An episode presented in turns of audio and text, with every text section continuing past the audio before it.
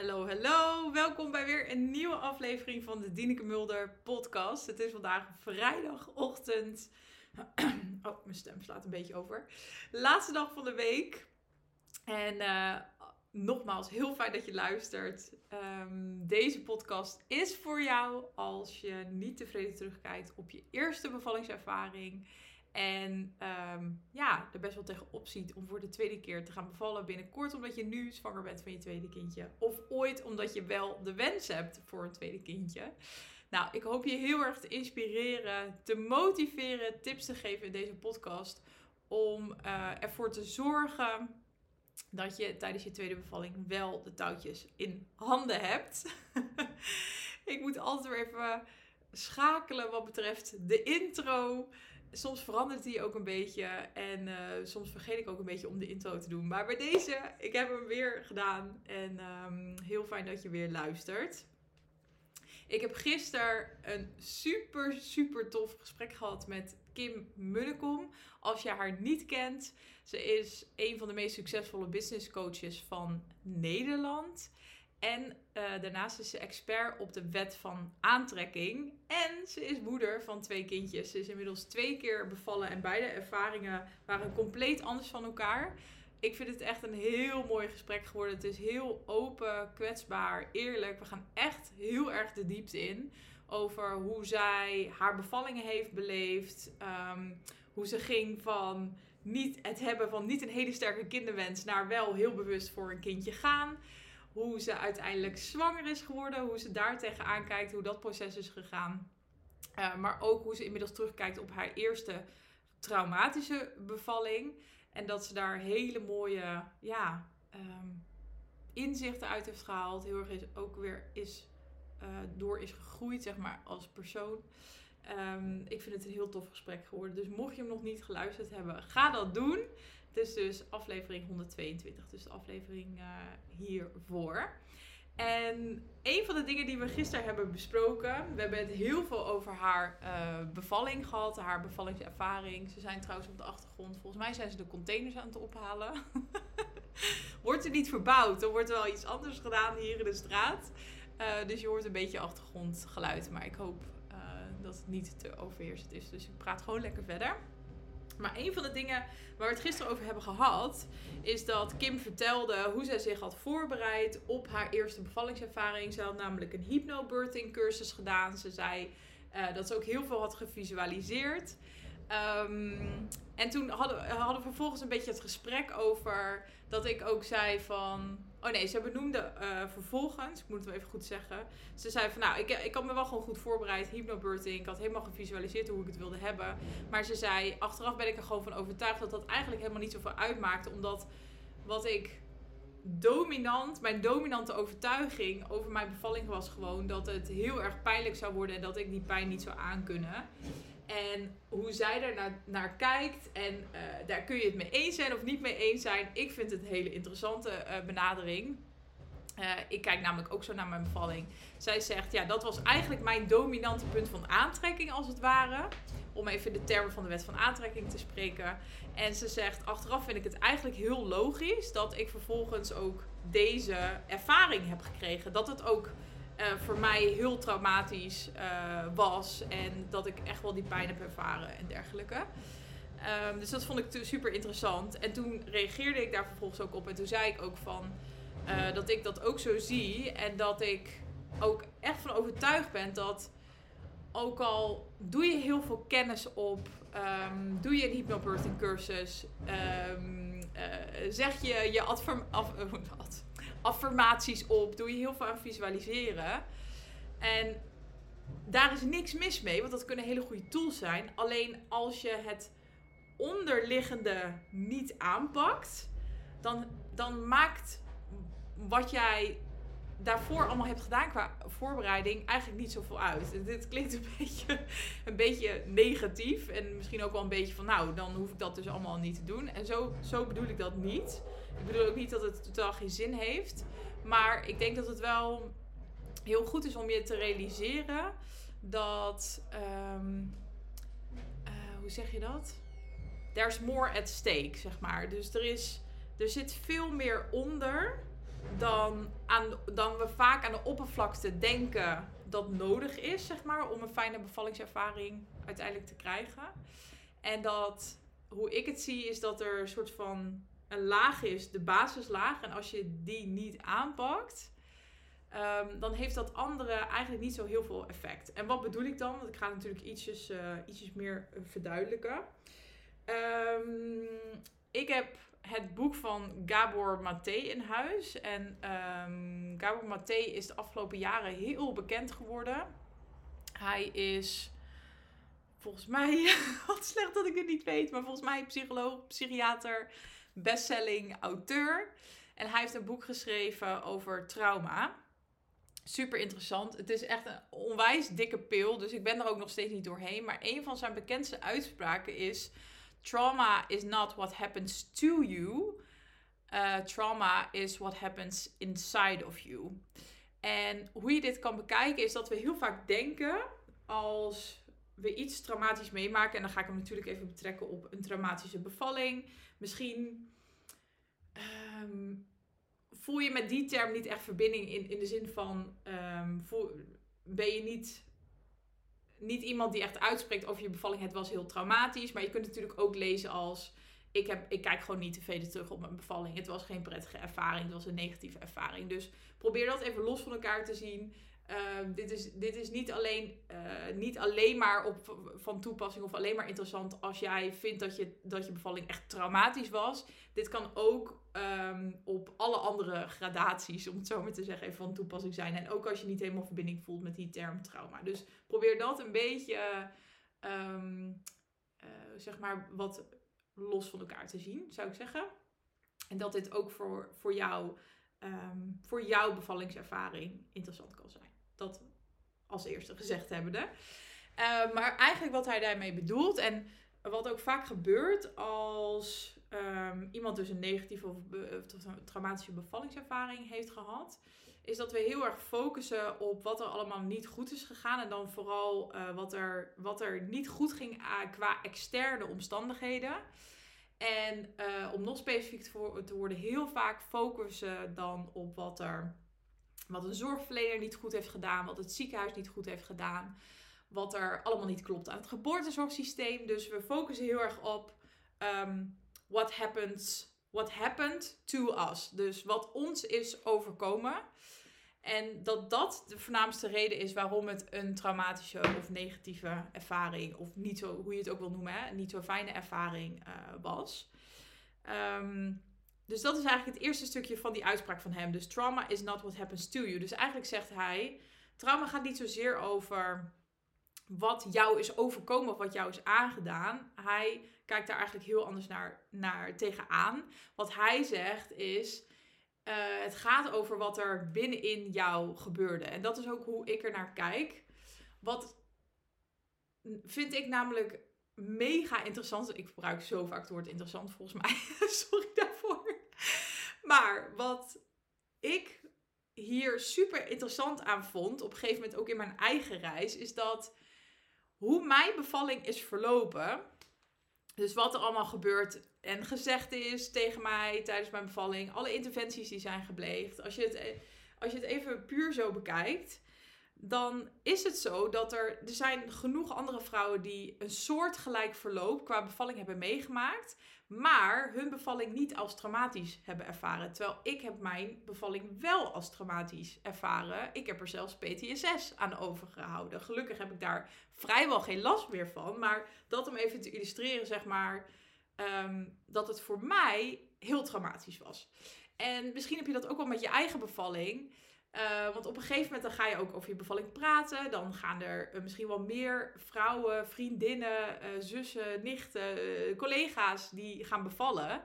En op een gegeven moment kom je dan ook in die situatie terecht waar een, dus iemand haar bevallingsverhaal met jou deelt. En waarvan jij denkt, wow, dit lijkt echt heel erg op mijn verhaal. Maar vervolgens merkt aan haar, misschien heb je dit wel, misschien heb je het niet meegemaakt, maar ik heb dit wel meegemaakt en vervolgens aan diegene merkt. En dat je dan vervolgens zegt, maar heeft dit niet heel veel impact op je gehad? Vond je dit niet heel zwaar? En dat diegene vervolgens zegt, nee, nee, het was eigenlijk, ja, het was wel heftig, maar het was eigenlijk wel prima. En uh, nou, ik was echt helemaal, ik zat gelijk op mijn roze wollen. Ik was helemaal, ja, ik, dat ging gewoon helemaal goed met mij. En dat je echt denkt, hè?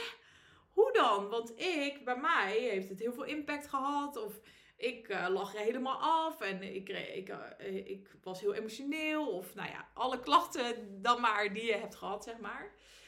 En toen ik dat op een gegeven moment, toen ik erachter kwam, toen realiseerde ik me ook dus dat je twee vrouwen kan hebben die iets, een soortgelijke ervaring hebben, maar de een ervaart het wel als negatief of traumatisch.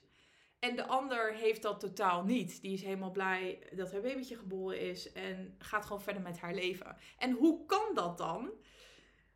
Nou, hoe ik dit zie, en dit is de waarheid volgens Dieneke, maar wat mijn visie hierop is, en waar Gabor Maté dus ook in zijn boek heel veel over praat, is dat trauma is iets wat binnenin jou gebeurt. Als in, of iets wel of niet traumatisch voor jou is, hangt heel erg af van hoe jij dingen, ehm, wat jouw per, uh, perceptie is, jouw kijk op het leven, hoe jij bent gevormd. En um, hiermee bedoel ik niet dat, uh, want nogmaals, ik zie mijn, mijn bevallingservaring was ook traumatisch voor mij. inmiddels kan ik er anders naar kijken. Maar daarmee bedoel ik niet dat je het trauma maar moet bagatelliseren. Of dat het niet is. Of dat het tussen je oren zit. Dat vind ik ook altijd zo'n interessante uitspraak. Uh, maar meer om een beetje het mechanisme uit te leggen van hoe trauma werkt. En wat er dus gebeurt, is dat er een soort van reactie binnenin jou uh, plaatsvindt op een reactie op hoe er met jou om wordt gegaan, hoe jij dingen ervaart tijdens jouw bevalling. En die, die reacties worden vooral bepaald door alles wat opgeslagen ligt in jouw onderbewuste.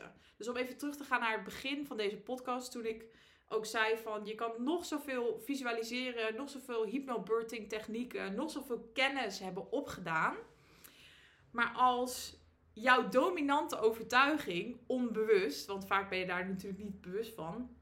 Maar stel dat jouw dominante overtuiging onbewust is dat de ander, uh, en vaak komt dat vanuit jouw relatie in, zeg maar, je kind, als kind in relatie tot je ouders. Maar als jij, als jouw onbewuste een soort van overtuiging heeft van de ander weet veel beter voor mij, voor mij wat goed voor mij is. Dan kan je nog zoveel kennis hebben opgedaan over richtlijnen en protocollen. Maar op het moment suprem, dus tijdens jouw bevalling, zal die overtuiging ehm, dominant zijn, om het zo maar te zeggen. Dus alles wat in jouw onderbewuste opgeslagen ligt, zal altijd dominant zijn. En dan uh, kan je zeg maar bewust nog zoveel kennis hebben opgedaan, nog zoveel hebben gevisualiseerd.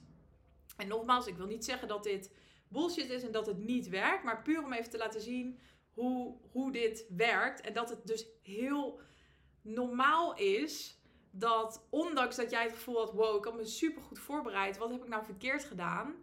Dat je helemaal niks verkeerd hebt gedaan, maar dat dit, is hoe jouw brein en je lichaam werken. Ehm, wat ook een heel mooi voorbeeld hiervan is, is dat als jij geboren wordt en je bent compleet afhankelijk van je ouders, dan wordt jouw hele zenuwstelsel, jouw hele brein als het ware, wordt nog helemaal geprogrammeerd. Want je komt in een bepaalde omgeving terecht en daar moet je je als kind op aanpassen om te kunnen overleven. Dus stel je komt, nou dit is wel een extreme voorbeeld, maar puur om het even te illustreren. Stel je komt in een gezin terecht waar heel veel huiselijk geweld is. En het hoeft niet eens geweld te zijn, het kan ook verbaal geweld zijn. Dus bijvoorbeeld je ouders hadden heel veel ruzie en schreeuwden altijd tegen elkaar dan wordt als kind jouw hele zenuwstelsel daarop afgesteld in de zin van uh, geschreeuw betekent onveilig. En vervolgens komt daar een reactie op. Dus het kan zijn dat je als kind, als je ouders tegen elkaar schreeuwden, dat jij helemaal verdween, helemaal in een soort van freeze-achtige staat ging. Als je vervolgens gaat bevallen en je hebt uh, bewuste kennis opgedaan en je weet uh, bewust wel dat um, het belangrijk is om. Uh, uit te spreken wat jij wil. En dat, het, dat je, weet wat, wat jouw rechten zijn als, uh, als, als barende vrouw. En dat je niet, dat niet alles moet. En dat je altijd nog een eigen keuze hebt. Maar op het moment dat jij er bevallen bent, en dit is niet alleen tijdens een bevalling, maar ook in je dagelijks leven, zal wat er ligt opgeslagen in jouw onderbewuste Dus hoe jouw zenuwstelsel, hoe jouw brein staat, staat ingesteld, zal altijd de boventoon voeren. Zal altijd dominant zijn. Dus stel, jij hebt een hele dominante aanwezige arts of verloskundige aan je bed staan tijdens je bevalling. Die ehm, misschien niet eens schreeuwt, maar gewoon best wel ehm, hard praat en ook heel dominant is. Dus niet echt aan jou vraagt hoe het gaat, maar heel erg zegt wat jij moet doen. Dan zal jouw zenuwstelsel daar automatisch op reageren. En dan zal het dus automatisch, zal je in een soort van freeze-achtige staat bijvoorbeeld terechtkomen. En dit is slechts een voorbeeld, maar er zijn natuurlijk legio voorbeelden. Het heeft heel erg te maken dus met hoe jij, uh, vooral in de eerste zeven jaar van jouw leven, hoe jij als het ware geprogrammeerd bent. Het klinkt een beetje gek, maar eigenlijk is het een, het is een, eigenlijk een heel logisch proces, omdat je, dat destijds jou heeft geholpen als kind letterlijk om te kunnen uh, overleven, zeg maar. Dus om je oké te voelen, om de connectie met je ouders goed te houden, want je bent natuurlijk met van ze afhankelijk. En uh, wat ik net omschreef is natuurlijk een vrij extreme situatie, dus dat je zou, terecht zou komen in, in een situatie van huiselijk geweld. Maar het kunnen ook hele kleine dingen zijn. Bijvoorbeeld een ouder die misschien zei je vader of je moeder heel snel vroeger tegen je als je huilde van, nou, stoppen met huilen, flinke meid zijn. En uh, dat daar helemaal niks verkeers mee hebben bedoeld. Maar op, op het moment dat je dat vaker dus hoort als kind en regelmatig hoort, dan ga je daar dus op aanpassen. Dus dan leer je eigenlijk, dan krijg je eigenlijk de overtuiging. Um, um, mijn emoties um, mogen er niet zijn. Het is goed als ik mijn emoties wegstop, want dan houden papa of mama van mij. Of dan blijft de relatie goed, zeg maar. Dus dat gaat natuurlijk niet letterlijk door je hoofd, maar je snapt denk ik wel een beetje wat ik bedoel. Dus je leert eigenlijk al op een hele jonge leeftijd, dus um, ik mag mijn emoties niet uiten. En dan kan je misschien wel in uh, een cursus hebben geleerd, voordat je gaat bevallen, van um, het is belangrijk dat als je, um, als je emoties voelt opkomen tijdens je bevalling, om ze, eruit, om ze eruit te laten, om ze te delen. Want als je dat niet doet, dan kan dat zorgen dat, um, dat je een soort van vastloopt in het proces. Ik noem maar wat, hè. Um, dus dat kan je bewust wel weten. Alleen als jij hier niet bewust van bent dat dit een soort van programmeren of mechanisme is wat jij als kind hebt geleerd, dan zal dat 100% dominant zijn tijdens jouw bevalling. Dus Misschien uh, krijg je opeens uh, krijg je op een gegeven moment het gevoel tijdens je bevalling: oh, ik kan het niet meer, ik kan dit niet, de pijn is te heftig. Maar zou je het op dat moment heel lastig vinden om dat ook echt te delen? Omdat jouw zenuwstelsel is gewired, jouw brain is gewired op emoties uiten is onveilig, bijvoorbeeld. Dus dat is een ander voorbeeld. Dus dat is wat ik bedoel met uiteindelijk zal wat in jouw onderbewuste ligt opgeslagen dominant zijn. En heel vaak zijn we hier ons dus niet bewust van. Maar je bevallingservaring biedt als het ware een mogelijkheid. Het is een tool om er dus achter te komen wat inderdaad die onbewuste programmeringen bij jou zijn, die dus dominant waren tijdens jouw bevalling. En daarom zeg ik dus ook heel vaak dat ik inmiddels die bevallingservaring echt zie als een heel groot cadeau. Want het heeft mij geholpen om dus heel veel inzicht daarin te gaan krijgen. Omdat daar, ik ben me van heel veel dingen bewust geworden. En toen kon ik er ook daadwerkelijk wat mee. Um, dus dat nog even over ja, hoe een negatieve slash traumatische bevallingservaring um, juist iets heel moois ook kan zijn. Juist een heel groot cadeau, hoe gek dat ook klinkt. En um, ik zit nog even te denken. Ja, en misschien begrijp je nu ook beter wat ik, wat ik ook, hoe ik die uitspraak van Gabor Maté hierin zie. Dus trauma is not what happens to you, but it's what happened inside of you. Dus het gaat heel erg om welke reactie, dus hoe reageer jij op bepaalde situaties vanuit wat ligt opgeslagen in je onderbewuste. En daar mag je dus heel erg mild en begripvol in naar jezelf toe zijn. In de zin van, het is niet jouw schuld. Je hebt dit niet bewust gedaan. Het is niet dat je je niet goed hebt voorbereid of dat je dingen anders mag doen. Eh, en daarnaast mag je ook zeggen, want daar heb ik het gisteren ook in de podcast met Kim over gehad, dat er fouten zijn gemaakt, dat er dingen ehm, niet goed zijn gegaan tijdens jouw bevalling, dat er op een andere manier gecommuniceerd had moeten worden. Maar, ehm, en daarnaast, niet eens maar, maar en daarnaast, ehm, kan je ook volledige verantwoordelijkheid nemen voor je ervaring door dus dat proces aan te gaan en te gaan onderzoeken van wat gebeurde er nou onbewust tijdens mijn bevallingservaring? Wat werd er getriggerd? Welke gedragspatronen, welke overtuigingen lagen eronder? Um, wat zegt deze ervaring eigenlijk over mij en hoe ik, ehm, ja, in hoe ik ben gevormd, hoe ik in het leven sta? En daar komen, als het goed is, hele mooie inzichten uit. Waar je vervolgens weer iets mee kan. Dus dat is wat ik uh, ja, eigenlijk in deze aflevering wilde delen.